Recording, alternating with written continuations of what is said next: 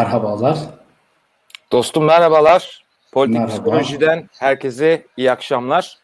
Biliyorsunuz Türkiye'nin en seviyeli, en kıymetli, en zihin açıcı programını yapıyoruz burada Fatih Bora'yla. Ee, severler dostum böyle büyük büyük laflar sevilir bu topraklarda. Öyle bir giriş yapalım istedim. Nasılsın? Ne var ne yok? Görüşmeyeli. İyiyim. Teşekkürler. İyi bayramlar dileyim. Herkese iyi bayramlar diliyoruz. Herkese iyi bayramlar diliyoruz. Bayram heyecanlı geçiyor. Abi çok iyiyim. Çok iyiyim şükür. Ee, idare ediyoruz. Çalışmalarımıza devam ediyoruz. İki haftadır da önümüze attığım bu konuyu çalışmaktayım. Bakalım nasıl çıkacağız işin içinden. Hadi bakalım böyle, hayırlısı. Sanki ilahi mesajlar falan da geliyor. Geçen gün bileğimi burktum böyle gecenin bir vakti çalışmadan kalkıp kedinin oyuncağına basınca. Dedim yani dikkat Hı-hı. etmek lazım herhalde. Lafımızı sözümüzü e, iyi seçelim. E, evet, sadece bir senden bir iki dakika rica edeceğim. Bir e, açıklama tamam. yapmak istiyorum. E, şimdi programla ilgili, programdaki genel tavrımızla, tarzımızla ilgili bazı e, yorumlar aldım, alıyorum yani. E, işte akademik yöntemimizle ilgili falan böyle bazı sorular geliyor da. Şimdi onu biz netleştirelim ya. Biz burada akademik bir program yapmıyoruz. Öyle bir sevdada da değiliz. Öyle bir amaçta da değiliz. Evet yöntemimizin içinde çeşitli bilimsel araştırmalara referans veriyoruz. Ama temel olarak yapmaya çalıştığımız şey burada Fatih Bora Ekim'le e, Türkiye'nin gündemini meşgul eden konulardan bir tanesini alıyoruz. Onu e, önce bozuyoruz, yapı söküme uğratıyoruz, rekonstrükte ediyoruz. Ardından böyle mümkün mertebe tabuları, kutsalları filan ayıklayarak e, bir değerlendirmeye tabi tutup yeniden birleştiriyoruz. Bu kısmı tamamen kişiseldir, e, yorum içerir. Yani öyle akademik olma gibi bilimsel bir çalışma yapıyoruz. Bu bir işte bilimsel konferans sunumudur falan gibi öyle bir iddiamız yok. E, işlevselleştiriyoruz. Yani var olan e, araştırmaları, e, bilimin e, bize sağladığı şeyleri e, elimizden geldiğince işlevselleştirmeye çalışıyoruz. Orasını bir netleştirmiş olalım e, ilk baştan. Şimdi başlığımız gene heyecanlı Türkiye'nin gene son dönemlerde son birkaç haftadır da özellikle gündemini meşgul eden konulardan bir tanesi. E, tam programa başlamadan önce e, yine çok sevdiğim, değer verdiğim e, bilge, öngörülü hanımlardan biriyle sohbet ederken işte kelimelerin öneminden filan vurgu yaptık. E, o yüzden biraz yine kelimelerle başlayalım Fatih. Bu aslında yavaş yavaş oturuyor Türkiye'de biraz ya bilinmeye başladı ama sen gene senden ricam e, bize psikopat ve sosyopat arasındaki farkı bir açıklayabilirsen. Ardından asosyallik ve antisosyallik arasındaki farkı açıklayabilirsen o şekilde başlayalım. Tamam. Ardından da e, işte Türkiye'de çeteler, mafyalar, siyaset konusuna e, yavaş yavaş gireceğiz. Tamam. Ufak ufak girelim. Şimdi ilk meselemiz şu. E, biz başlığı seçerken şeyi söyledim. Sosyopatlar, psikopatlar diye başladım. Çünkü bu yaygın bilinen ismi aslında biz programda antisosyal kişilik bozukluğunu konuşacağız. Hani Twitter'daki tweette de onu yazdım. Çünkü DSM, Diagnostics, uh, Diagnostics Statistics Manual, şeyin APA'nın Amerikan Psikiyatrik e, Psikiyatri Birliği'nin e, şeyine göre, tanı teşhis kriterlerine göre aslında psikopat veya sosyopat diye bir tanım yok. Böyle bir tanım kullanılmıyor. Bazı akademisyenler kullanırlar. Sosyopat aslında bizim kullandığımız işte antisosyal kişilik bozukluğunun yaygın bilinen ismidir. Psikopatsa bunun dışında bir bilgidir. Bunun dışında biraz daha muallak olan bazı kişilerin kabul ettiği, bazı kişilerin kabul etmediği, mesela Robert Hare'ın tanımladığı bir e, psikopat tanımı vardır. Başka farklı psikopat tanımları vardır. Bunlara göre değişir ama genel olarak bizim gireceğimiz, anlatacağımız yer antisosyal kişilik bozukluğu diye geçer. B sınıfı kişilik bozukluklarındandır. Ee, bu B sınıfı kişilik bozuklukları, dürtüsel kişilik bozuklukları bunun alt gruplarından bir tanesi antisosyal kişilik bozukluğudur. Antisosyal kişilik bozukluğunun temel özelliği karşı taraftaki kişiyle empati yeteneği olmayan karşısındaki nesneyle ilişkiye girdiği kişiyle empatik duyguları olmayan, on, onlar, onların çektiği acıyı, ızdırabı hissedemeyen kişiye verilen, bu kişilik bozukluğuna verilen isimdir. En temel olarak. Psikopattan kastımız e, toplumsal olarak psikopat dediğimiz zaman aslında biz bu antisosyal kişilik bozukluğunun çoğunlukla şöyle tanımlıyorlar. Aslında yüksek işlevsel versiyonunu anlatırlar Psikopatlar aslında daha yüksek seviye antisosyal kişilik bozukluklarıdır. İşlevsel, hayata daha adaptif bir taraftan, daha e, bunu şey için kullanmayan sadece. Şöyle söyleyeyim, e, hayatın içerisinde daha fazla insanları dolandırmaktan, onlara yalan söylemekten, manipüle etmekten keyif alan bir grubu anlatırlar. Bir tanıma göre de şöyledir, sosyopat zamanla gelişir, yani antisosyal kişilik bozukluğuyla sosyopat birbirinin tam dengi iki kelimedir aslında. Bunlar zamanla gelişir ama psikopat doğuştan olur diye bir tanımlamada yapılmıştır. Böyle bir ayrımdan başlayacağız. Asosyal dediğimiz hani sosyal ilişkilere girmeyen ise bu konunun tamamen dışındadır. Antisosyal, sosyal ilişkilere girmeyen değil, üstüne sosyal ilişkilerin içerisine de giren kişidir. 7 tane kriteri vardır. Onu hızlıca gireyim isterseniz. Biraz tanım olacak ama sıkılmadan ufak ufak açarak anlatmaya çalışayım. 7 tane kriteri vardır. Bu 7 kriterden en az 3'ünü gösteren kişiye antisosyal kişilik bozukluğu diyebiliriz. Birincisi mükerreren gözaltına alınmayı gerektiren fiilleri işlemek suretiyle belirlenmiş hukuka uygun davranışları tespit eden sosyal kurallara uymamak. Yani sosyal kuralları ve kanunları çiğneyen kişilerdir bunlar. Bunlara uymayabilirler. Kanunları çiğnediklerinden dolayı tutuklanmamış olabilirler. Hayatları boyunca bunun karşılığında tutuklanmamış da olabilirler ama koyulan kurallara uymama konusunda genel bir e, teamülleri vardır. Ve tekrar eden bir şekilde, mükerrer bir şekilde sürekli kanunları çiğnerler. Mükerreren yalan söylemek, takma isimler kullanmak veya kişisel çıkar ve zevk için diğer insanları kandırmak fiilleriyle belirlenen hilekarlık. Bildiğiniz sahtekar, hilekar, dolandırıcı, dolanbaz insanlardır. Bunları yaparlar çünkü karşılarındaki insanları bir kontrol etmekten, dolandırmaktan bir keyif alırlar. Artı e, karşısındaki insanların çektiği sıkıntıdan herhangi bir şekilde vicdan azabı çekmezler. En temel özellikleri budur. Vicdan azabı duymazlar. E, başkasının başına gelen bir şeyden dolayı pişmanlık duymazlar. Aslında kendilerinin başına gelen şeylerden dolayı da hayatta pişmanlık duymazlar. Antisosyal kişilik bozukluklarının temel özelliklerinden birisi pişmanlık duymayan insanlar olmalarıdır. Herhangi bir şekilde hayatı boyunca pişman olmamıştır bu kişiler. Öyle bir yetileri yoktur, duygusal öğrenmeleri yoktur. Üç, fevrilerdir genelde, ani tepki gösterirler ve ileriyi, geleceği planlayamazlar. Bununla ilgili problemleri vardır. Ani dürtüsel, dürtülerinin ihtiyaçlarına göre cevap verirler. Aslında psikopat dediğimizde sosyopat yani antisosyal kişilik bozukluğunun ayırt edici özelliklerinden bir tanesi budur. Psikopatlar bu kadar fevri değildir. Psikopatlar daha uzun süre planlar yapabilirler. Ama antisosyal kişilik bozukluklarında fevrilik de unsurlardan birisidir. Ama az önce belirttiğim gibi yani bunların hepsi olmak zorunda değil bir antisosyalde. Bu yedi tane maddenin üçü olacak. O yüzden bir psikopat bundan olmayan, bu özelliği olmayanlardan birini biz antisosyal kişilik bozukluğu gene diyebiliriz ama bu kişi psikopat da olabilir.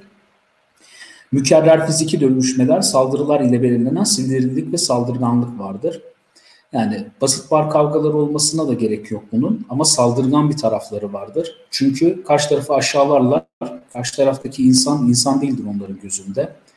Herhangi bir e, canlı ya da gene aynı şekilde pişmanlık, vicdan azabı veya vicdan gibi bir duyguya sahip olmadıkları için istediklerini alamadıkları zaman almanın yöntemlerinden birisi öfkelenmek, aşağılamak, karşıdakini kırmak, onu e, ona fiziksel şiddet göstermek veya bundan gereken ne yapmaksa onu o sırada yaparlar.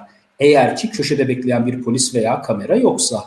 Yani onu durduracak tek şey bir kameranın olmasıdır. Yoksa herhangi bir sebepten dolayı kendisine engel teşkil eden birini yok etmekte dahil olmak üzere ona saldırmaktan herhangi bir şekilde beis duymayacaktır.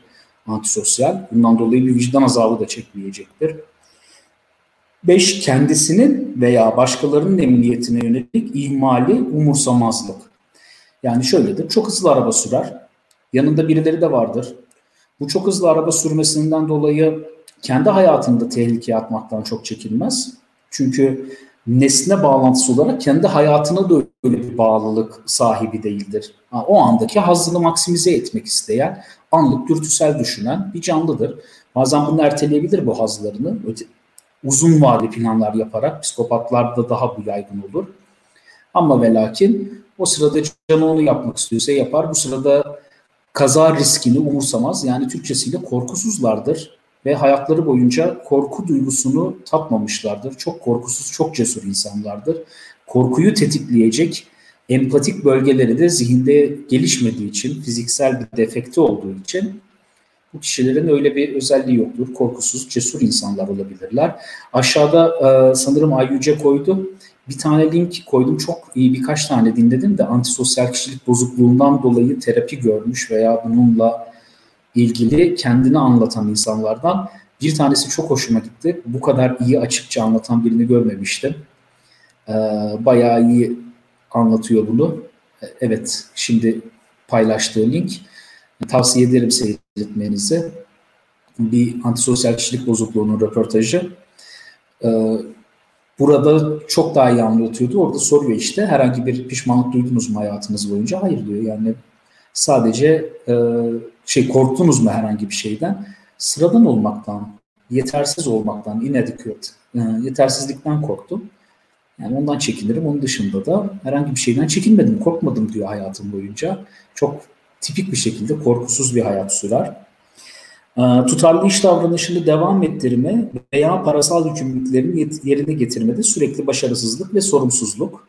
Yani şöyledir, borç alır ödemez, sizi gelip soyabilir, herhangi bir şekilde buna dair bir devamlılık bulundurmaz, kurduğu işe, yaptığı işe dair de bir bağlantı kurmaz yani nasıl söyleyeyim bir ülkenin ordusuna katılır öbür ülkenin ordusuna da geçebilir. Yani umurunda o da olmaz böyle şeyler. Herhangi bir bağlılık duymaz bir şeye karşı. Bir şeyi devam ona, ettirmeye dayalı.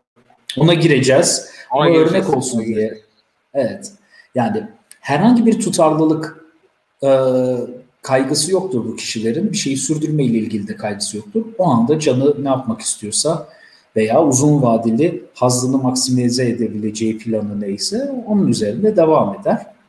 Bunların temelleriyle ilgili bir şey söyleyebiliyor muyuz? Öyle bir soru var yorumlarda. Çocuklukta yaşanan ihmalle bir korelasyon var mı bu konuda diye. Yani öyle bir e, sonuca ulaşabiliyor muyuz? Ya da öyle araştırmalar var mı? Var. Yani bunlarla ilgili araştırmalar var. İş, işin bir şu tarafını söyleyeyim. Antisosyallerle ilgili araştırmalar çok mahdut. İşte PET testleri falan yapıyorlar bazı işte beyin neyi tomografisi miydi ben çok detaylı nöroloji bilmiyorum. Onunla ilgili testler vesaire var birkaç tane. Ama onun dışında antisosyaller şeye gelmediği için terapiye kolay kolay gelmez. Milyonda birdir ya mahkeme zoruyla gelirler Amerika'da. Türkiye'de falan herhalde kimsenin gittiğini zannetmiyorum. Böyle çift terapisi gibi şeylere de gitmezler.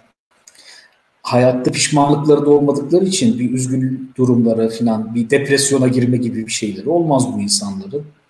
Bayağı hayatları boyunca kendilerini çok normal kabul ederler bu arada.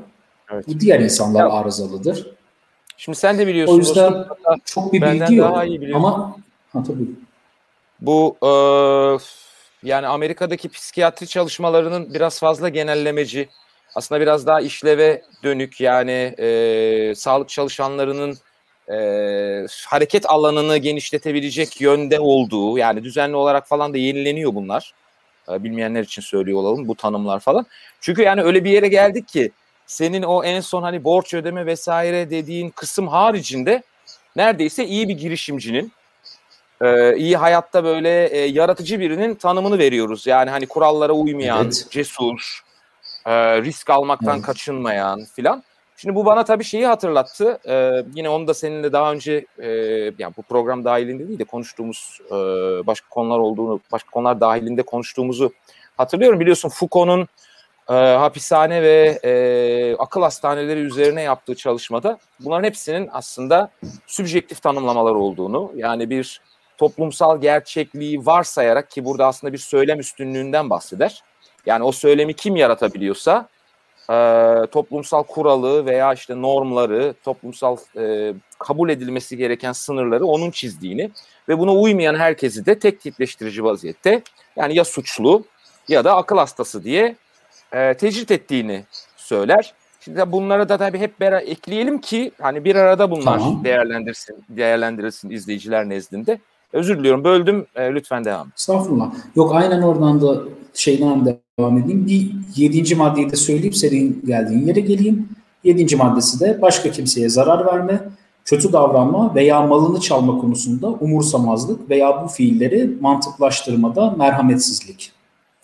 Merhametsiz olma yani aslında bu yedi maddeyi sayıyoruz da az önce senin söylediğin psikiyatrik klinik e, tanı teşhislerinin şöyle bir temel kısmı var. Psikiyatri bütün tıptan farklı olarak, tıbbın genelinden farklı olarak şöyle bir şey kullanır. Semptoma bakarak teşhis koyar, sebebe bakmaz. Mesela baş ağrısı diye bir hastalık yoktur. Çünkü baş ağrısı bir semptomdur. Yani gerçekte olan bir problemin dışarıya çıkartılan, gördüğümüz, gözlemleyebildiğimiz semptomudur. Baş ağrısının sebebi bir beyin tümörü olabilir, işte tansiyon olabilir, başka bir şey olabilir. Hastalık tansiyondur, beyin tümörüdür, başka bir şeydir. E, baş ağrısı semptomdur. Sadece psikiyatride bir problemi vardır. E, psikiyatrinin ana bir problemi vardır tıpla ilgili. Etiyolojiyi, kökeni gözlemleyemediğimiz için bilimsel olarak yani bilimsel olarak burası gözlemlenemediği için biz bu taraftan çıkıp e, semptomlara bakarak tanı teşhis koyarlar psikiyatrinin içerisinde. Ama benim de dahil olduğum psikoterapi, psikanaliz grubunun içerisinde, dinamik psikoterapi içerisinde biz bunu diğerlerden anlatmaya, etiyolojiyi aslında kısmen bilimselden dışarıya çıkarak bence izah etmeye çalışırız. Mesela beyinde id, ego, süperego gibi şeyler yoktur. Yani bunları bilimsel olarak anlatmaya çalışırsın da tam da anlatamazsın. Biraz da dışarıda kalırsın işte. Bunlardan girip baktığımız zaman da şunu çok rahat söyleyebiliriz. Antisosyali diğerlerinden ayıran özellik şudur bu kişilerin nesne bağlantısı yoktur. Yani anne dahil olmak üzere biz özneysek ilk nesne annedir. Başka bir nesne ile bağlantı kurmamış kişilerdir. O, Ozan Bey'in sorduğu soruyla paralel olarak işte çocuklukta da anneyle o sevgi ilişkisi kurmamış da olabilir. Ama bunun için genetik bir yatkınlık da olmuş olması gerekiyor. Yani genetik yatkınlık artı kötü bir çocuklukla beraber olabilir veya sadece genetik yatkınlık olabilir veya e, üçüncü bir versiyon Phineas Cage diye bir vaka vardır. Çok efendi, kendi halinde halim selim bir e, şeydir Phineas Cage. E, maden mühendisidir. Evli üç çocuk babası evine işine sefer tasıyla giden, akşam vaktinde evine dönen efendiden bir adamdır. Phineas Cage bir gün e, madende çalışırken bir patlama olur. Şarapnel parçası sağ ön kafasının ön tarafına saplanır. Çok da içeriye girmez. Kafatasını birazcık çizmiştir, içeriye girmiştir. Ameliyat olur, çıkartılır. Ee, nörolojik testler yapılır. Bakılır ki Phineas Cage'de herhangi bir değişiklik yok. Nöromotor fonksiyonlarında hiçbir problem yok. E hadi evine git derler adama. Adam evine gider. Bu Halim Selim Sefer Taslı Phineas Cage kumar oynamaya başlar. Karısını dövmeye başlar sağda solda aldatmaya başlar, şirketin parasını çalmaya başlar, bambaşka bir adama dönüşür. Yani bambaşka bir insana dönüşür. Bu bambaşkalaşmanın sonunda fark ederler ki bu adam artık antisosyal kişilik bozukluğundan muzdarip. Çünkü bizi biz yapan o vicdanla alakalı mekanizmayı kontrol eden yer şöyle ince bir kağıt parçası kadar, bir zar kadar sağ prefrontal kortekste bir alan ve bunu böyle bir jiletle bir şeyle çizip attığın zaman veya bir şarapnel parçası buraya girdiği zaman kaybolup gidebiliyor. İşte daha sonraki çalışmalarda buna ayna nöronlar deniyor ki o da biraz netameli konudur. Öyle midir değil midir bilmiyoruz ama temel olarak şu var. Bura gitti mi bitiyor. Hikaye değişebiliyor. Yani ya bu doğuştan olur ya yetiştirmeyle anne o sevgiyi vermeyince bu bölgedeki e, ve paralelindeki bütün o nöronal yolaklar birbiriyle uyum sağlamamış olabiliyor. Ama sonucunda şu, biz şimdi burada seyrediyoruz.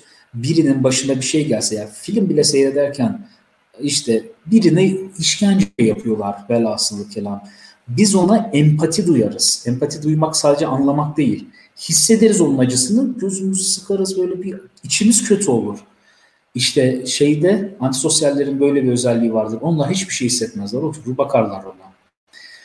Ve hayattaki davranışları da böyledir. O vicdandan sahip olmadıkları için kendileri işte 50 lira kazanmak için gider birini çok rahat öldürebilirler. O yüzden seri katil de olabilirler.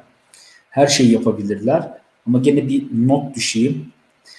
Ee, her antisosyal, suçlu, kriminal ve şey değildir. Buraya parça parça gireceğiz de e, her antisosyal kriminal kişiler değildir. Her antisosyal suç işlemez. Suça eğilimlilerdir. Daha doğrusu kuralları yıkmaya eğilimlilerdir. Ama hepsi hapishaneye düşmez. Amerika'nın kendi e, istatistiğine göre antisosyallerin üçte biri hapishaneye girerler. Üçte ikisi günlük hayatta yaşarlar ve nüfusun yaklaşık yüzde üç ila dördü antisosyal kişilik bozukluğudur. Yani tanıdığınız 100 kişiden dördünde antisosyal kişilik bozukluğu olma ihtimali yüksektir. Bunların hepsi kriminal olmak zorunda değil. Bunların hepsi mafya olmak zorunda değil. Organize suçlu olmak zorunda değil. Bunlar sizin doktorunuz olabilir. Bu kişiler sizin e, şirketinizdeki patronunuz olabilir. Bu arada zeka seviyeleri yüksekse yani fonksiyonel antisosyallerse, high adaptif, yüksel, yüksek şeylerse zaten çok zeki olurlar. Çünkü e, empatinin bize vermiş olduğu problemlerden münezzeh insanlardır bu kişiler. Bir de aslında ona da sonra istersen girelim. Nietzsche'nin Übermensch'idir. Nietzsche zaten Übermensch'te antisosyal kişilik bozukluğunu anlatır. Tamam bütün programı bitirme şu anda dur. Bütün programı tamam. bitirme güzel sorular var tamam. o şeye geleceğiz. Yani orası önemli bir ayrım tamam. çünkü bu antisosyal kişilik bozukluğu olan bireyler suça bulaşmazlarsa ve işlevsel hayatlarına devam edebilirlerse e, bunların aslında bunları hangi konumlarda gördüğümüzü toplumda ilerleyen e, dakikalarda konuşacağız. Yine bir şey sormak istiyorum. Biliyorsun şimdi bu e, nörolojik çalışmalar, nörobilim epey bir malzeme sağlıyor ve interdisipliner yaklaşımlarla bu e, farklı alanlarda kullanılıyor. Yani o bahsettiğin fMRI testleri e, artık yani nöroloji ile e, psikiyatri falan da bir araya getiriyor, harmanlıyor, e, harmanlanmasına vesile oluyor. Oralardan da epey e, yeni araştırmalar var e, ve yakın zamanda neredeyse e, bu nörobilim üzerinden her çalışma alanına e, bir paylaşım olacak ve kesişim noktalarında hareket edeceğiz. Şunu sormak istiyorum. Yine e, bu nörolojik çalışmalar sonrasında beyinde biliyorsun daha öldürmeye yani kimimizin daha öldürmeye yatkın olduğuyla ilgili falan bazı bölgelerin daha aktif e, olduğuyla ilgili sonuçlara ulaşıldı. Orada da tabii e, genel olarak daha nasıl diyeyim yani bu konuda tutucu bilim insanlarının yorumları ya işte her şeyi buldunuz bir noktadan sonra bunlar bizi robotlaştıracak işte Aa, bu öldürüyor mu onu hemen ona müdahale edelim buna müdahale edelim diyecekler filan e, deniliyor.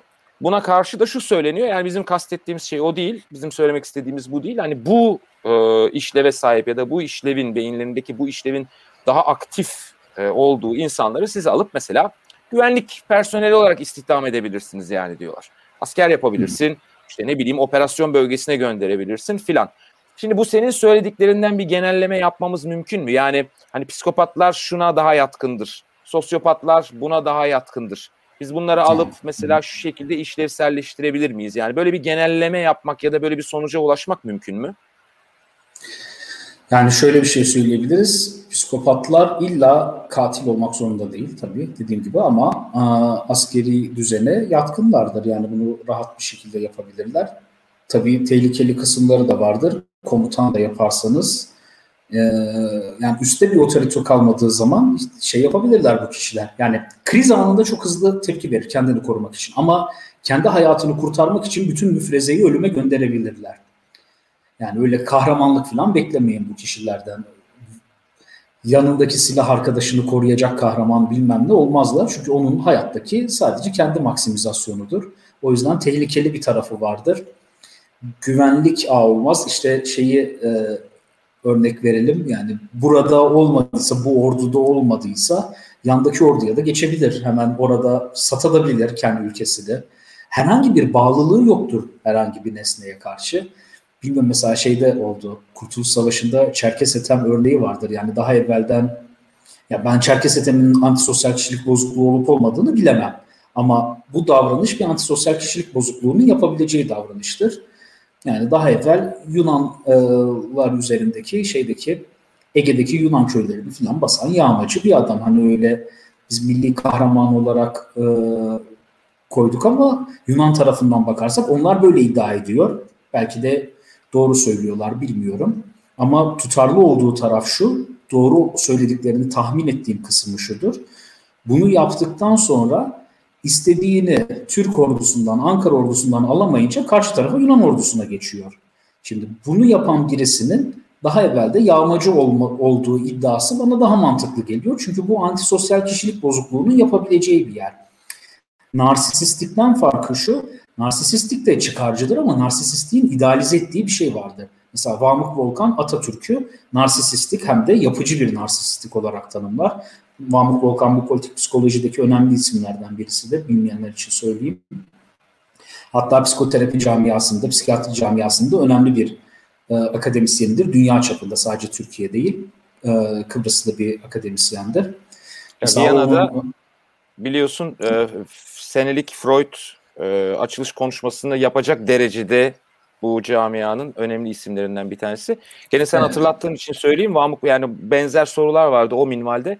E, Vamuk Volkan Hoca'nın e, İRA militanları üzerine yaptığı bir klinik çalışma var. Birebir e, görüşmeler sonrasında. Oradaki iddiası diyelim, bilimsel iddiası e, çok büyük oranının çocuklukta e, babalarından hem de fiziksel deformasyona uğrayacak kadar şiddet e, gördükleri üzerine. Yani Kimin? bunlar da belki e, İRA militanlarının. Ha tamam. İrlanda'da İRA, İRA militanlarının Ee, yani hani böyle veriler var. Hani bunları birleştirildiği zaman bir de tabii şunu söylemek lazım. Bizim burada kimseye e, kimseyi görmeden, tanımadan işte şu psikopattır, şu sosyopattır falan dediğimiz yok. Ama e, ya bunların hepsi çünkü klinik e, görüşmelere e, muhtaçtır. Ama şunu da yatsımıyoruz. Bakın sezgi denilen de bir şey var. Yani ve e, felsefi olarak farklı sonuca ulaşma, farklı problem çözme yöntemleri de var. Yani sezgiyi evet yani aklın üstüne, aklın ışıklı yolundan gidiyoruz. Onda bir problem yok ama sezgilerimizi de bir kenara bırakmayalım. Yani çünkü onu yaptığımız zaman iyice e, yani felsefeyle bütün diğer bilimleri ve felsefeyle bütün hayatı çok ciddi bir şekilde kopartmış oluyoruz. Ve bana göre bugün sadece e, bu topraklarda değil dünyanın her yerinde e, bir düşünce verimsizliği yaşanıyor öyle söyleyeyim yani. Bunun temel sebeplerinden bir tanesi de ben e, bu olarak görüyorum. Yani bilime, kantitatif bilime daha da ziyade e, aşırı bir e, meyil, aşırı bir önem verme. Bunun yanında kalitatif çalışmaları ve felsefi farklı e, yöntemleri e, göz ardı etme de var. E, yani dinleyicilerimize de ya sana da hatırlatma olsun diye söylüyorum. Biz seninle bunları zaten sık sık konuşuyoruz da bu notu e, düşmüş olalım. Peki şimdi ortam, bulunduğu ortam yani bu e, sosyopatların veya psikopatların eylemliliğini etkiler mi? Yoksa tamamen ortamdan bağımsız mıdır? Yani olmaları olmamaları tanı konması tanı konmamasından bahsetmiyorum. Daha eylemlilik kısmındayım. Tamam. Eylemlerde de şöyle ayıralım. Aşk sorulara da bakıyorum işte sonradan olur mu olmaz mı diye. Şimdi dediğim gibi psikopat doğuştan bir arızası olacak kişinin. Sosyopat sonradan öğrenebilir. Yani antisosyal kişilik bozukluğu yavaş yavaş yetiştirme ile gelişebilir. Psikopatoloji, psikopat dediğim daha doğrusu psikopatoloji başka bir şey. Psikopat dediğimiz tip tahmin edilen daha doğuştan onun daha baskın olmasıyla alakalı. Ama aradaki fark şu. Her psikopat, sosyopat hayata girdikleri zaman katil olmaz. Bu bulundukları ortamla da alakalıdır. Şimdi iki tane e, psikopat diyelim biz mesela doğuştan bu özellikle gelmiş iki kişiyi koyalım yan yana. Bir tanesi iyi bir anne babanın işte avukat bir baba, e, doktor bir anne Nişantaşı'nda doğdu, güzel eğitim alıyor, sevgi içerisinde iyi bir ailede büyüyor. Çocukluktan davranım bozukluğunu gene gösterir. Yani gene akranlarına karşı zorbalık yapacaktır. Gene belki kundakçılıkla ilgili e, ufak deneyimleri olacaktır. Çocuklukta veya hayvanlara karşı kötü davrandığı anlar olacaktır ama biz detaylarını bilmiyor. Yani onlar bir müddet sonra normale binecektir. Diğer çocukta gene aynı özelliklerle doğmuş olsun. E, gene aynı genetik özelliklerle doğmuş olsun. Bu çocuk da tarla başında doğsun. Şimdi bu kişiler haz maksimizasyonuna yöneleceklerdir. Hayatlarında başarılı olacaklardır. Başarı doğal olarak gelecektir. Çünkü e, normal insanların süper ego baskısı bu kişilerde yoktur. Bizde süper ego baskısı vardır. Yani vicdanımız vardır.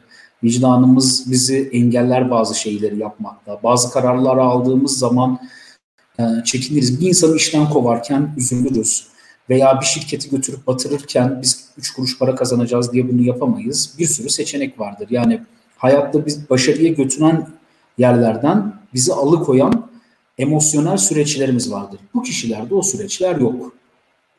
Bu kişilerde o süreçler olmadığı için şöyle bir farklılık olacaktır. Ee, Nişantaşı'nda doğan e, psikopat özelliklere, genetik yapıya sahip olan çocuk gene davranım bozuklukları gösterir. Tarla başındaki de gösterir ama zamanla şöyle bir şey olacak. Tarla başındakine eğitim imkanı verilmedi. Onun kendini oradan çıkartacak özellikleri olmadı ve servete kavuşmanın, iyi bir hayata kavuşmanın yolunu düşündüğü zaman büyük ihtimalle şöyle fark edecektir. Suça bulaşırsa, uyuşturucu satıcılığı yaparsa, benzer bir şey yaparsa kendinin hızlı yoldan yukarıya çıkacağını bulur, keşfeder, bunu uygulamaya başlar ve uygulayıp belirli bir yere geldikten sonra da bundan çıkmaya çalışır. Eğer ki daha karlı bir yer görürse. Onun için suç işlemek bir has fantazi meselesi de değildir sadece. Kendi arzularına getirecek yere doğru ilerler. Ama Nişantaşı'nda doğan e, psikopat diyelim. Onun için mesela doktor olmak çok daha avantajlı olabilir. Doktorlukla bu yerlere ulaşabilir. Belki doktorluktan daha sonra siyasete de girebilir. Çok da bu arada psikopatlar charming, çekici insanlardır. Çok tatlı yüzlülerdir falan öyle zannettiğiniz gibi korkutucu falan değildir. Oturur anlatırlar. Saatlerce de dinlersiniz. Çok sevimli e, şeydir böyle. Yüzeysel bir şekilde insanların istediklerini onlara söyleyen, onları e, manipüle etmeyi çok iyi becerebilen, hatta güven duyacağınız insanlardır. Ben şahsen söyleyeyim, tanıdıklarım arasında söyleyemem. Ya ben e, Psikopat, antisosyal kişilik bozukluğu olan psikiyatr da tanıyorum. Avukat da tanıyorum. Ee, yani normal günlük hayatın içerisinde bu problemden muzdarip, bunun farkında olan veya olmayan insanlar biliyorum. Bunları manipüle ederler. istediklerini alabilirler. Siyasetçiler arasında böyle kişiler vardır. Mesela bunun bir karikatürü dizisi yapıldı. Yani aslında gerçek bir karaktere uyarlandığı söyleniyor da The House of Cards diye bir dizi var seyrettiniz mi bilmiyorum. Orada e, Frank Underwood karakteri vardır. O karakter çok tipik antisosyal kişilik bozukluğunu anlatır. Daha doğrusu bir psikopatı anlatır. Yani keyif için adam öldürmez ama birini öldürmekten de çekinmez. Birini ölüme yollamaktan da çekinmez. Manipülatiftir, kullanır insanları, herhangi bir bağlılığı da yoktur. Karısının başka birisiyle ilişki olursa bundan kıskanmaz da, rahatsızlık da duymaz. Öfkesi de sahtedir, mutluluğu da sahtedir, hazları da sahtedir. Yani daha doğrusu sadece hazları vardır. Onun dışındaki duygular duygusuzdur genel olarak. Bu e, paylaştığımız röportajda da onu söylüyor. Yani antisosyal kişilik bozukluğunu nasıl tanımlarsınız diyor. Siz kendinizi nasıl tanımlıyorsunuz? Sadece duyguları olmayan normal insan. Çünkü ya o tekrar tekrar normal evet. diyorsun. Onu ben de soracaktım. Ee, Ozan Bey de gene yazmış. Ee, yani normal zaten kendi başına bana sorarsan e, sıkıntılı bir tanımlama daha yumuşak bir şey diyelim yani sürü dışı mı diyelim? Daha böyle ha. kabul edilir mi diyelim? Nasıl diyelim? Yani çünkü diyorum ya hani şu konuda e, benim kafam oldukça net. Yani aşırı yaratıcı bir insanla, sanatçı bir insanla öyle diyelim ya da bir tasarımcıyla e, aslında antisosyaller, psikopatlar, sosyopatlar bana sorarsan hepsi aşağı yukarı aynı, aynı gruptalar. Çünkü bunlar yani sürü dışı veya kabul edilenin dışı. Hani kendi içlerinde tabii ki farklı ayrımlar olacaktır ama değil mi? Öyle değil mi? Bak şimdi ona tekrar gireyim. Normal insan psikolojiye göre nevrotik insandır. Çok ilginç geliyor ama nevrotik normaldir. Nevrotik nedir? İdi, egosu, süper egosu olan ses yankılandı da İdi egosu, süper egosu olan süper ego baskısıyla arzularını, idinin arzularını bastıran bunun da çelişkisini hayat boyu yaşayan insan nevrotik insandır ve nevrotik insan normal insandır. Çünkü bizim bir arada yaşamamız demek bu arzularımızı bastırmamıza bağlıdır. Yani bütün toplum, birisi orada yorumda yazmıştı Türkiye'nin %50'si antisosyal. Bir toplumun %50'si antisosyal olursa kan gövdeyi götürür. Orada 80 milyon nüfus olmaz. 5 milyon nüfus bile tutamazsın. En fazla yani dünya antisosyallerden müteşekkil olsaydı dünya nüfusu 50 bine düşerdi. Şehir kuramazdık birbirimizi keserdik, doğrardık, biterdi medeniyet. Çünkü herkesin birbirini dolandırdığı bir yerde medeniyet olmaz. Herkesin dürtüleriyle hareket ettiği bir yerde medeniyet olmaz. Medeniyet bizim dürtülerimizi bastırmamız üzerinde kuruldur. Biz bunun üzerinde yaşayan çelişkili insanlarız. Medeniyet çelişkidir. Freud'un da anlattığı şekilde budur. Tabudur medeniyet. Tabular koymaktır. Bundan dolayı vicdan sahibi olmaktır. Ahlak geliştirmektir saçma da olsa bu ahlaki kurallara uymaktır. Ensest yasağıyla başlar her şey. Yani kimin kiminle yatıp yatamayacağının karar verilmesiyle başlar. Ama antisosyal için bu ahlaki normların hiçbir anlamı yoktur. Onlar bunları umursamazlar. Önemli şeyler değillerdir onlar için. O yüzden onlar anormal diyoruz. Ha Nietzsche'ye geri dönersek Nietzsche onların normal bizim anormal olduğumuzu iddia eder. Übermensch'te. Hatta not aldım şurada söyleyeyim. Şöyle diyor e, Nietzsche, vicdan güçlüleri korkutmak için düşünülmüş, korkakların kullandığı bir sözcükten başka bir şey değildir. Bizim biz vicdanımız, güçlü kollarımız, kılıçlar yasamızdır diyor. Zaten Nietzsche'den etkilenen Hitler zaten o Nazi Almanyası'nı yaratıyor. Ee, çok sevilir Nietzsche böyle büyük laflar eder. Yani kendine yapılmasını istemediğin şeyi başkasına yapma diyen John Stuart Mill'e kalın kafalı herifin tekidir diye yazıyor. Şeydi böyle buyurdu Zerdüşt'te. Lisede okumuştum sonra da anladım ki işte anlattığı buymuş. Sıradan insanlar bir araç olarak kullanılmalıdır diyor. Spinoza'ya ürkek geri zekalının tekidir diyor. Çünkü o diyor ahlaktan filan bahseder diyor. Ahlak diye bir şey yoktur diyor. Tanrı'yı öldürüp onun üzerine bir ahlak kurmamız lazım. Tanrısız bir ahlak kurmamız lazım. Güç dengeleri üzerine. Yani seçilmiş olanlar üzerine. Ee, iç insanı güçsüz kılan şeylerden uzak durmamız lazım diyor. Bütün anlattığı şey zaten bir psikopatın, antisosyalin sahip olmadığı süperego sistemindeki insana übermensch yani üstün insan diye tanımlar e, Nietzsche. E, bütün dünya üstün insan olursa dediğim gibi yani 50 bin kalır nüfusumuz keseriz. Bizim bu medeniyetimiz bizim nevrotik olmamıza bağlıdır. Nevrotik taraflarımız, dürtülerimizi bastırmamız, komşunun karısına hallenmememiz, kapımızın önüne park eden adama ya beyefendi niye böyle yaptınız deyip küfretmemiz. Gene Freud'dan alıntı söyleyeyim. İlk küfreden insan medeniyeti kuran insandır. Yani gidip onun kafasını kesmek yerine işte gidiyorsun küfrediyorsun. Arkasından küfrediyorsun hatta. Başka bir detay söyleyeyim. Vikinglerde küfür kelimesi yok. Yani bir şey oldu mu baltayı ellerine alıyorlar. Birbirlerini doğramaya girişiyorlar. O medeniyet bunun üzerine kurulur. Ama şöyle bir şey var. Medeniyetin içerisinde free rider'dır antisosyaller. Eğer de kafaları çalışıyorsa sistemin manipüle ederler. Çok güzel siyasi lider de olurlar. Çok güzel avukatlıkta şahanedirler, başarılıdırlar şahane CEO olurlar, şirket yöneticileri olurlar. Muhtemelen başarılı şirketlerin top yöneticilerinin büyük bir kısmında antisosyal kişilik vardır. Çünkü bu kişiler e, veya psikopat tabir ettiğimiz grubun içerisindedirler. Çünkü birini işten atmaktan çekinmezler, dostlarını satmaktan çekinmezler, onu yok etmekten çekinmezler. Herhangi bir kaygıları yoktur bununla ilgili. Çok da başarılı olurlar bu işlerde. Ama her an kendi şirketlerinde satabilirler. Oraya da bir bağlılık duymazlar. Kendi ülkelerine de duymazlar. Ama şeyleri çok kullanırlar bu arada. Yani konuşurken de vatan millet Sakarya değerler vesaireden de asla geri kalmazlar. Çünkü bunun halk tarafından, insanlar tarafından sevildiğini bilirler. Dini değerleri de kullanırlar. Onlardan da bahsederler. Yani toplumun değer gösterdiği şey neyse onu kullanırlar. Yani ben e, Bakarsınız bazı insanlar dün e, A partisinden veya A ideolojisindendir. Üç gün sonra bir bakarsınız ya üç gün önce sen bunları söylüyordun. Atıyorum mesela adam ultra kemalisti bilmem neydi bir anda siyasal İslamcı olarak görürsünüz bir yerde. Veya çok siyasal İslamcıydı. Beş gün sonra başka bir yerde siz bu adamı şey diye görürsünüz. Bir anda böyle komünist olmuştu. Hani fikri bir değişiklik de yok. Böyle orada çıkar gördüğünü anladığınız anda yer değiştirir. Bu kişiler antisosyal kişilik bozukluğudur. Ben size söyleyeyim. Yani isim vermeyeyim. Çok da karşılaştınız toplumun içerisinde. Tık diye değiştirir. Dört gün önce de alkışlıyor olursunuz bu kişileri. Orada da çok başarılı hatipler de çok çekici böyle şeyler söylerler. Bir bakarsınız nasıl oldu, nasıl sattı anlamazsınız bile. Böyle kişilerde antisosyal kişilik bozukluğu olma ihtimali diyelim. Hadi çok yüksek. Biraz daha böyle e, şeyli söyleyelim. Ne? Paylı söyleyelim. Çekinerek. Paylı. Ak, ha, paylı söyleyelim hadi.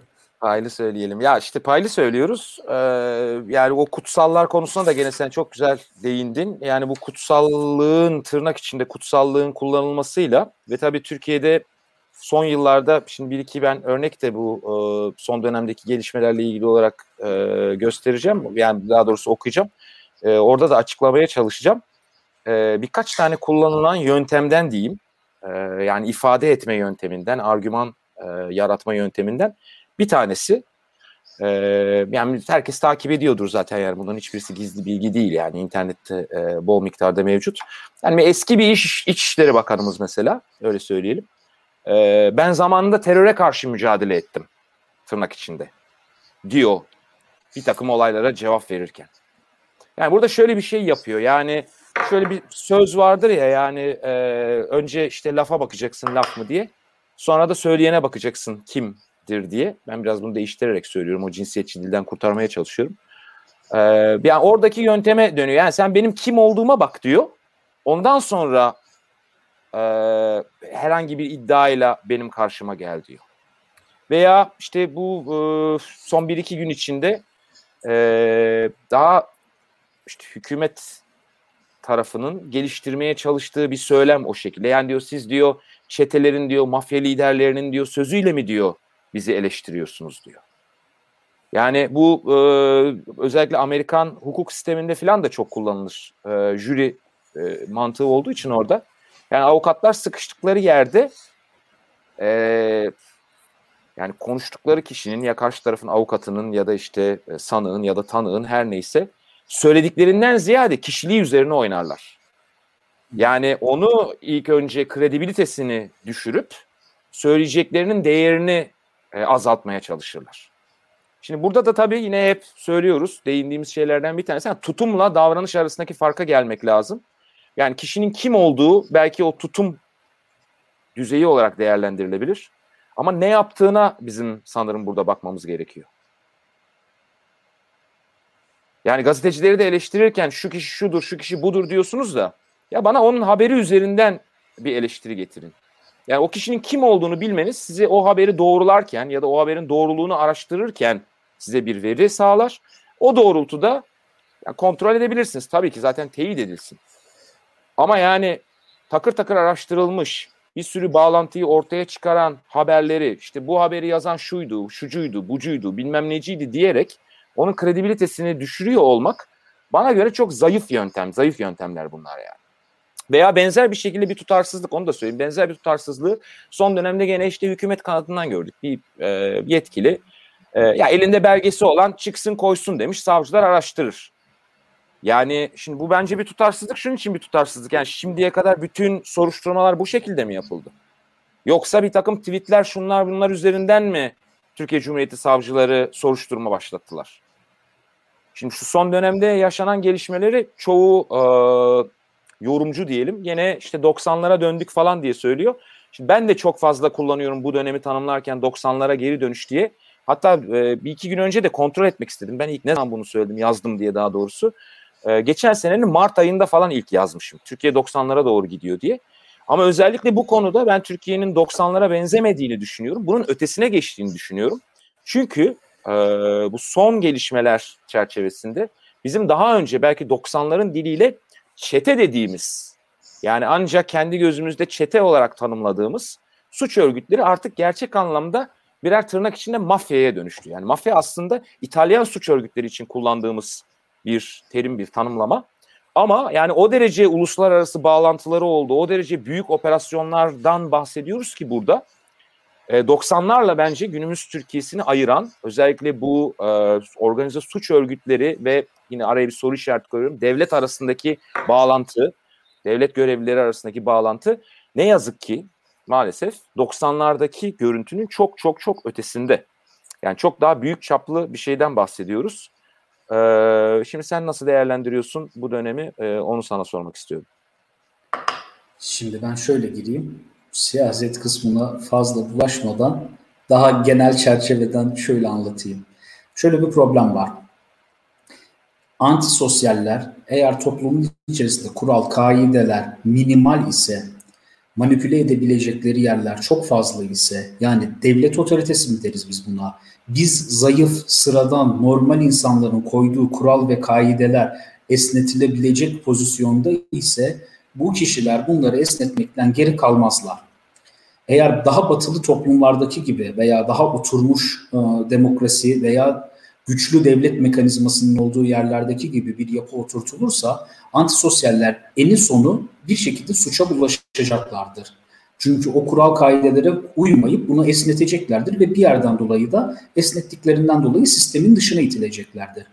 Ama biz sistem olarak, yapı olarak sistemin esnetilmesini doğal kabul edersek toplumun içerisinde yani artık nasıl söyleyeyim işte güvenlikçi bir dil tutar isek ülkede işte biz vatan için yapıyoruz bunu. Asıl olan bilmem nedir. Yani kuralları üç kere delmeyle bir şey olmaz. Bir kere delinmesiyle bir şey olmaz gibi bir tutum içerisine girerse toplumsal norm bilin ki toplumun içerisinde yaklaşık yüzde iki ila dört olan antisosyaller her gök köşe başını bir anda tutuverirler.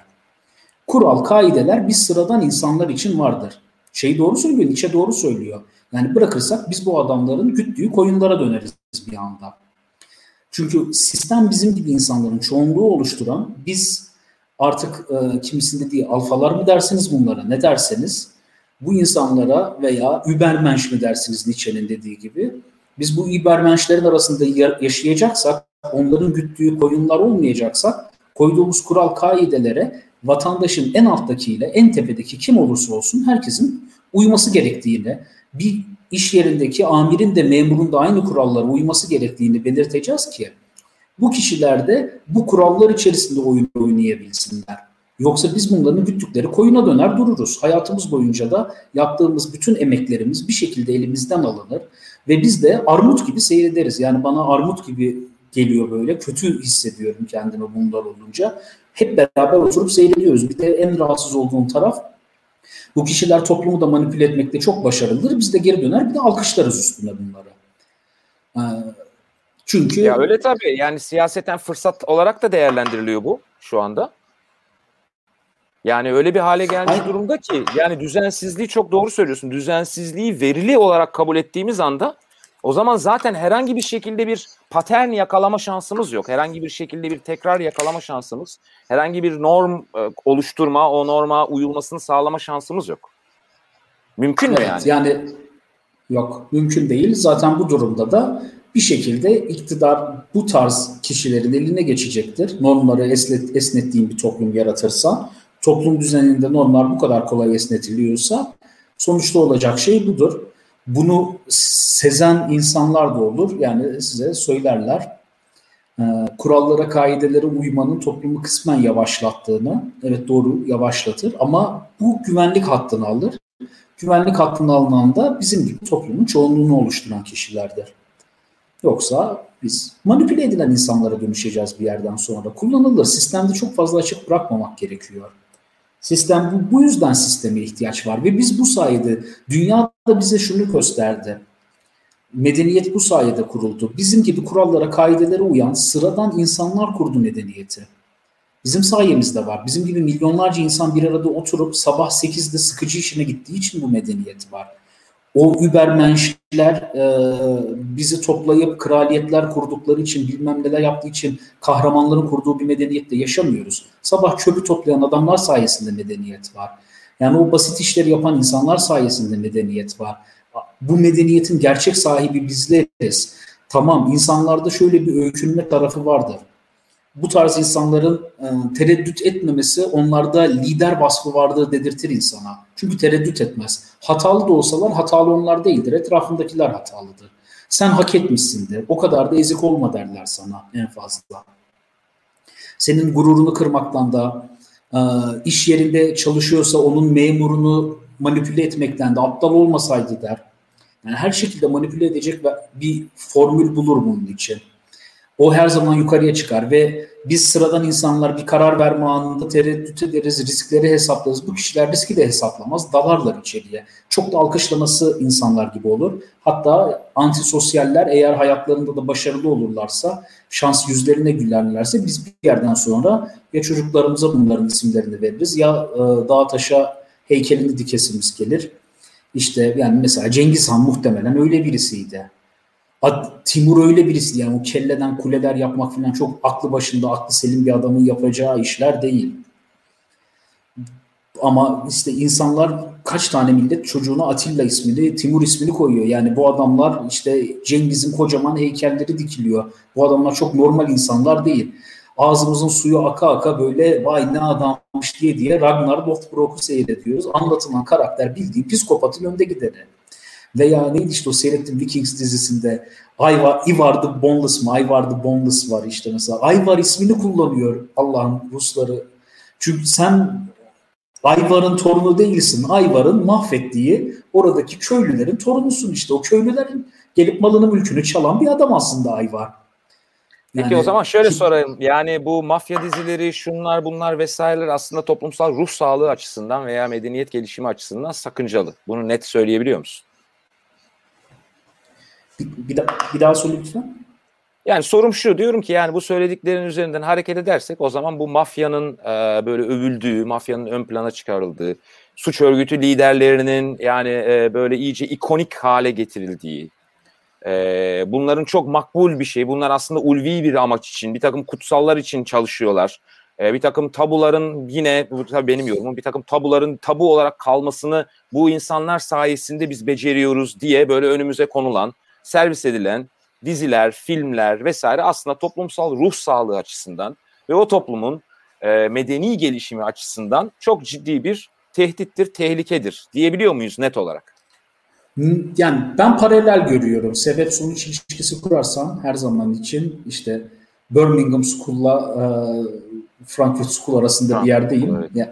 Yani e, kısmen aslında toplumda buna uygun bir zemin oluştuysa yani insanların hayatında normal bir yaşamayla ilgili problemleri varsa öyküneceği yer tabii ki mafyoz ilişkiler olacaktır. Çünkü orası hızlı şekilde sınıf atlamanın yani en, en hızlı yolu budur. En hızlı yolu girersin, mafya olursun, çok hızlı bir şekilde girersin, e, hayatında çok iyi bir yere gelebilir.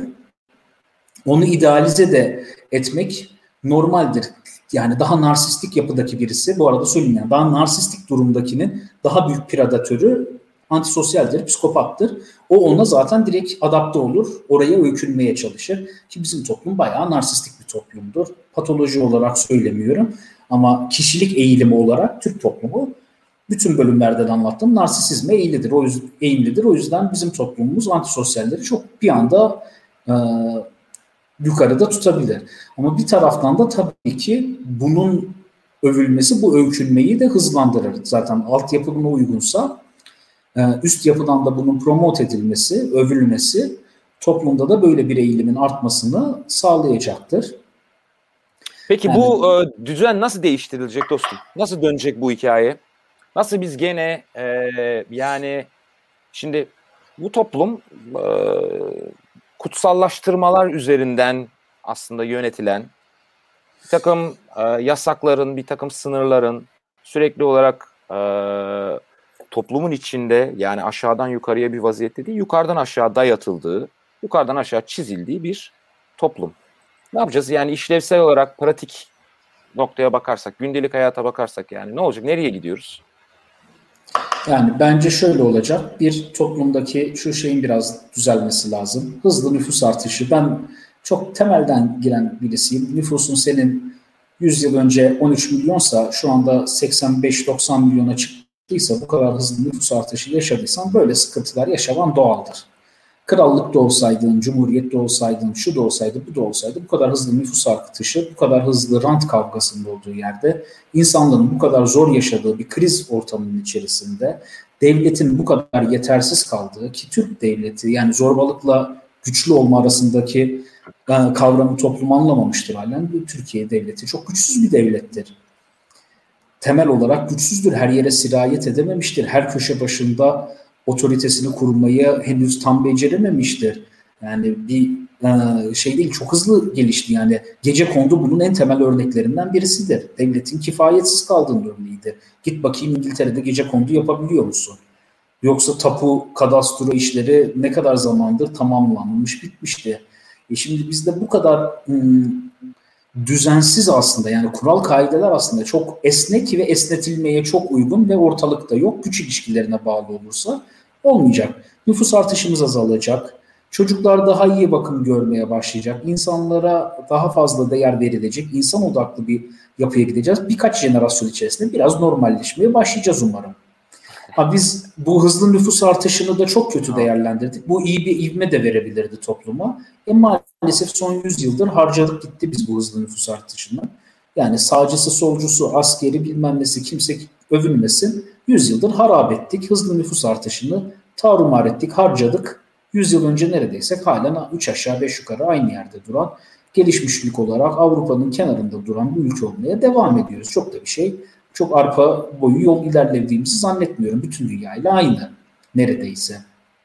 Ha ortalamanın çok gerisinde kalmadık ama bir Japonya, Güney Kore gibi bir atılımda yapmayı beceremedik. 100 yıl önce bizimle yaklaşık aynı pozisyonda olan ülkelerden. Yani Rusya, Rusya ile biz 3 aşağı 5 yukarı denk ilerledik. Belki onlar kültürel olarak biraz daha iyi pozisyonda, ekonomik olarak daha kötü vesaire.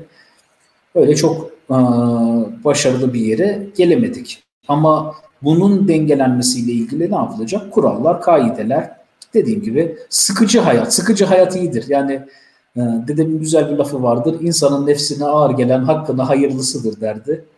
Yani öyle nefsimize ağır gelen e, sıkıldığımız bir hayatı yaşarsak emir yani şey içerisinde hmm, kural kaideler içerisinde bence daha düzgün bir hayatımız olabilir diye düşünüyorum.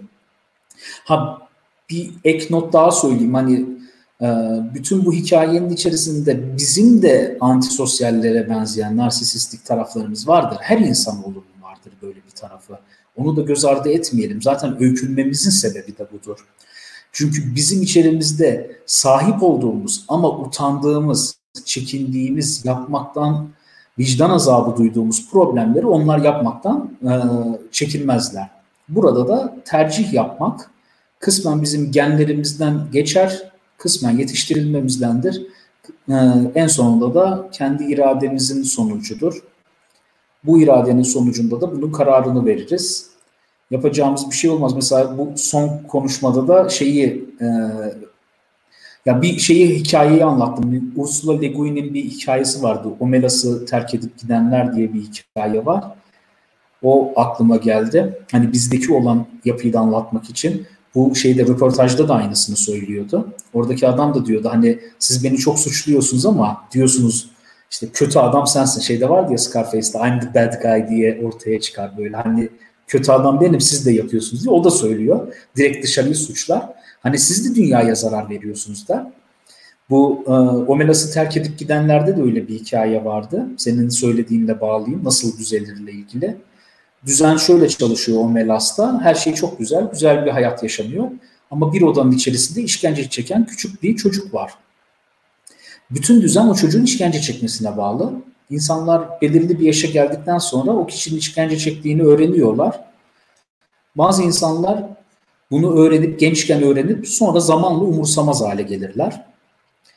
Ee, bazıları gençken öğreniyorlar, kaldıramayıp o melası terk edip gidiyorlar. Daha kötü bir hayata gidiyorlar ama o kişinin işkence çekmesine dayalı e, bir hayatı kabul edemiyorlar. Buradan geri dönersek antisosyaller o kişiye bakıp hiç vicdan azabı çekmeden e bunun böyle olması gerekiyor diyen kişilerdir. Yaş ilerledikçe ilginç bir şekilde insanların da bu vicdani normları körelir. Çünkü çocukken bize öğretilen değerlerle hayatta karşılaştığımız şeyler bizi farklı noktalara götürür. İlginç Sedat Peker'de konuşmasında 40 yaşın üstündeki insanlara inanmayın diyor. Çünkü onlar bir yerden sonra değişir gençlerin güzel tarafı, övünülen tarafı şudur. Çocukken öğrenildik, öğrendikleri değerlere halen yakındırlar. Halen o saflığa daha fazla sahiptirler. Çünkü yalan söylememenin doğru bir şey olduğunu, başkalarıyla paylaşmanın, vicdanın ne kadar önemli olduğuna yakınlardır. Çünkü anne sevgisine en yakın oldukları dönemdedirler halen. Zaman geçtikçe o sevgiden, koşulsuz sevgiden uzaklaştıkça içimizdeki ahlak da ölüyor aslında onu öldürmeden yaşayabilmemiz için de bir şekilde o yapıyı tutabilmemiz, devam etmemiz lazım. O yüzden işte diğer programla da bağlayayım milliyetçilikte bir taraftan da o kardeşlik duygusunu da tutabiliyor olmamız lazım. Sadece akılla, liberal değerlerle vesaire de olmaz. İçeride bir, bir şekilde kültürel birliktelik, kardeşlik duygusunu da tutabilmemiz ve ancak bunun manipülasyonuna izin vermeyecek kadar da kural kaideler ve özgürlükler içerisinde bulunabilmemiz lazım deyip toparlamış olayım. Bilmiyorum toparlayabildim mi? Ya toparladın tabii ama konu maalesef bitmedi. Hatta konunun bitmesine bana kalırsa ciddi anlamda uzağız. Ne suç sosyolojisine girebildik ne bu son konulara girdik. Suç sosyolojisi üzerinden çok ciddi bu örgütler neden çıkıyor, neden oluşuyor? Devletle ilişkileri neden e, görülen şekillerde, misaller üzerinde çalışılabilecek üzere e, oluşuyor, şekilleniyor. Onlarla ilgili ciddi teoriler, ciddi yaklaşımlar var. Bunlara giremediğimiz gibi işin ekonomik yönüne hiç değinemedik. Bu da çünkü benim sormak istediğim burada da şeyler vardı. Yani bir psikopatı veya bir sosyopatı veya bir işte antisosyali ekonomik olarak tatmin etmek mümkün müdür vesaire. Bunları artık e, yani bir saati doldurduk. Bunlar bana göre önemli konular. Ben bu çünkü yakın dönemdeki e, gelişmeleri diyeyim yani gelişmeler bütününü de e, epeyce bir o ekonomik perspektiften e, okuyorum. Dediğim gibi iyi araştırma yaptım. Orada paylaşmak istediğim saptamalar vardı. Onları paylaşamadık süre dolayısıyla. Bir bakalım değerlendiririz. Belki bir sonraki programda e, onu saptarız. Bunlar çünkü yeni de bir yandan e, yaklaşımlar. Yani söylenen e, yani siz o mevcut ekonomik ilişkiler ağını anlamadan o sorunu çözebilir misiniz? Çözemez misiniz? Bu işte organize suç örgütlerini bitirebilir misiniz? Bitiremez misiniz? E, bunların yani e, çok diyeyim ampirik bilgi üzerine olmasa da sağlam düşünce temeli üzerine inşa edilmiş e, çıkarımlar e, yapmamızı sağlayacak e, verileri var. E, bir bakalım yani şimdilik burada bırakalım. Bence gayet değerli toplu oldu. E, girizgah yapmış olduk. E, bir bakarsın o başka bir programda yaptığımız gibi bir ikinci bölüm yaparız ya da araya bir boşluk girer. Daha böyle e, ateşli bir konuyu katar. Sonra e, buradan devam ederiz. Ama ağzına sağlık dostum. Yani çok teşekkürler. Hadi senin anlatacaklarını da umarım lafı uzatıp kesmemiş olmadı. Yok hayır bunlar bunlar abi detaylı olarak derinlemesine konuşulması gereken şeyler. Yani çünkü maalesef yine senin de söylediğin üzere e, bazı önemli konuları e, fazla yüzeysel olarak geçiyoruz Türkiye'de. Bazı hmm. konular çok daha ciddi e, araştırmaya, çok daha ciddi üzerine düşünmeye muhtaç ve o derinlik sağlanamadıkça da aslında sağlıklı, sahih sonuçlara ulaşamıyoruz. Yani o yarım yamalak bilgilerle yorumlar yapıyoruz. Onlar da işte aslında çok kısa süreli oluyor. Yine senin söylediğin bir şey yani değişim olacağı zaman bir öngörü gerekir. Sistemin biraz öngörüyle kurulması lazım. Yani 3 senede çökecek bir sistem e, yaratıyor olmanın, öneriyor olmanın kimseye bir faydası yok. Siz e, ilk yaratı sürecinden o yeni sistemi reform süreci arasındaki süreyi ne kadar açabilirseniz aslında o kadar sağlıklı, o kadar öngörülü davranmışsınız ve öyle bir sistem kurmuşsunuz demektir. Bana kalırsa da Türkiye'nin yakın dönemde ihtiyacı olan şeylerden bir tanesi bu. Daha sağlıklı bir sistem kurulması lazım. Kurduğumuz sistemlerin hangi noktalarda çalışmadığını hepimiz hep beraber görüyoruz. Yani daha şeffaf, daha denge denetleme mekanizmasının yerleştiği, kurumların ve kişilerin farklı kurumlar ve farklı kişiler tarafından denetlendiği ve bunun gayet açık olduğu, şeffaf olduğu bir sisteme ihtiyacımız olduğu açık. Ee, bunu da e, ileriki programlarda zaten tekrar konuşmaya, değerlendirmeye çalışacağız. Çok teşekkür ediyoruz. İyi akşamlar diliyoruz. İyi akşamlar herkese. Teşekkürler.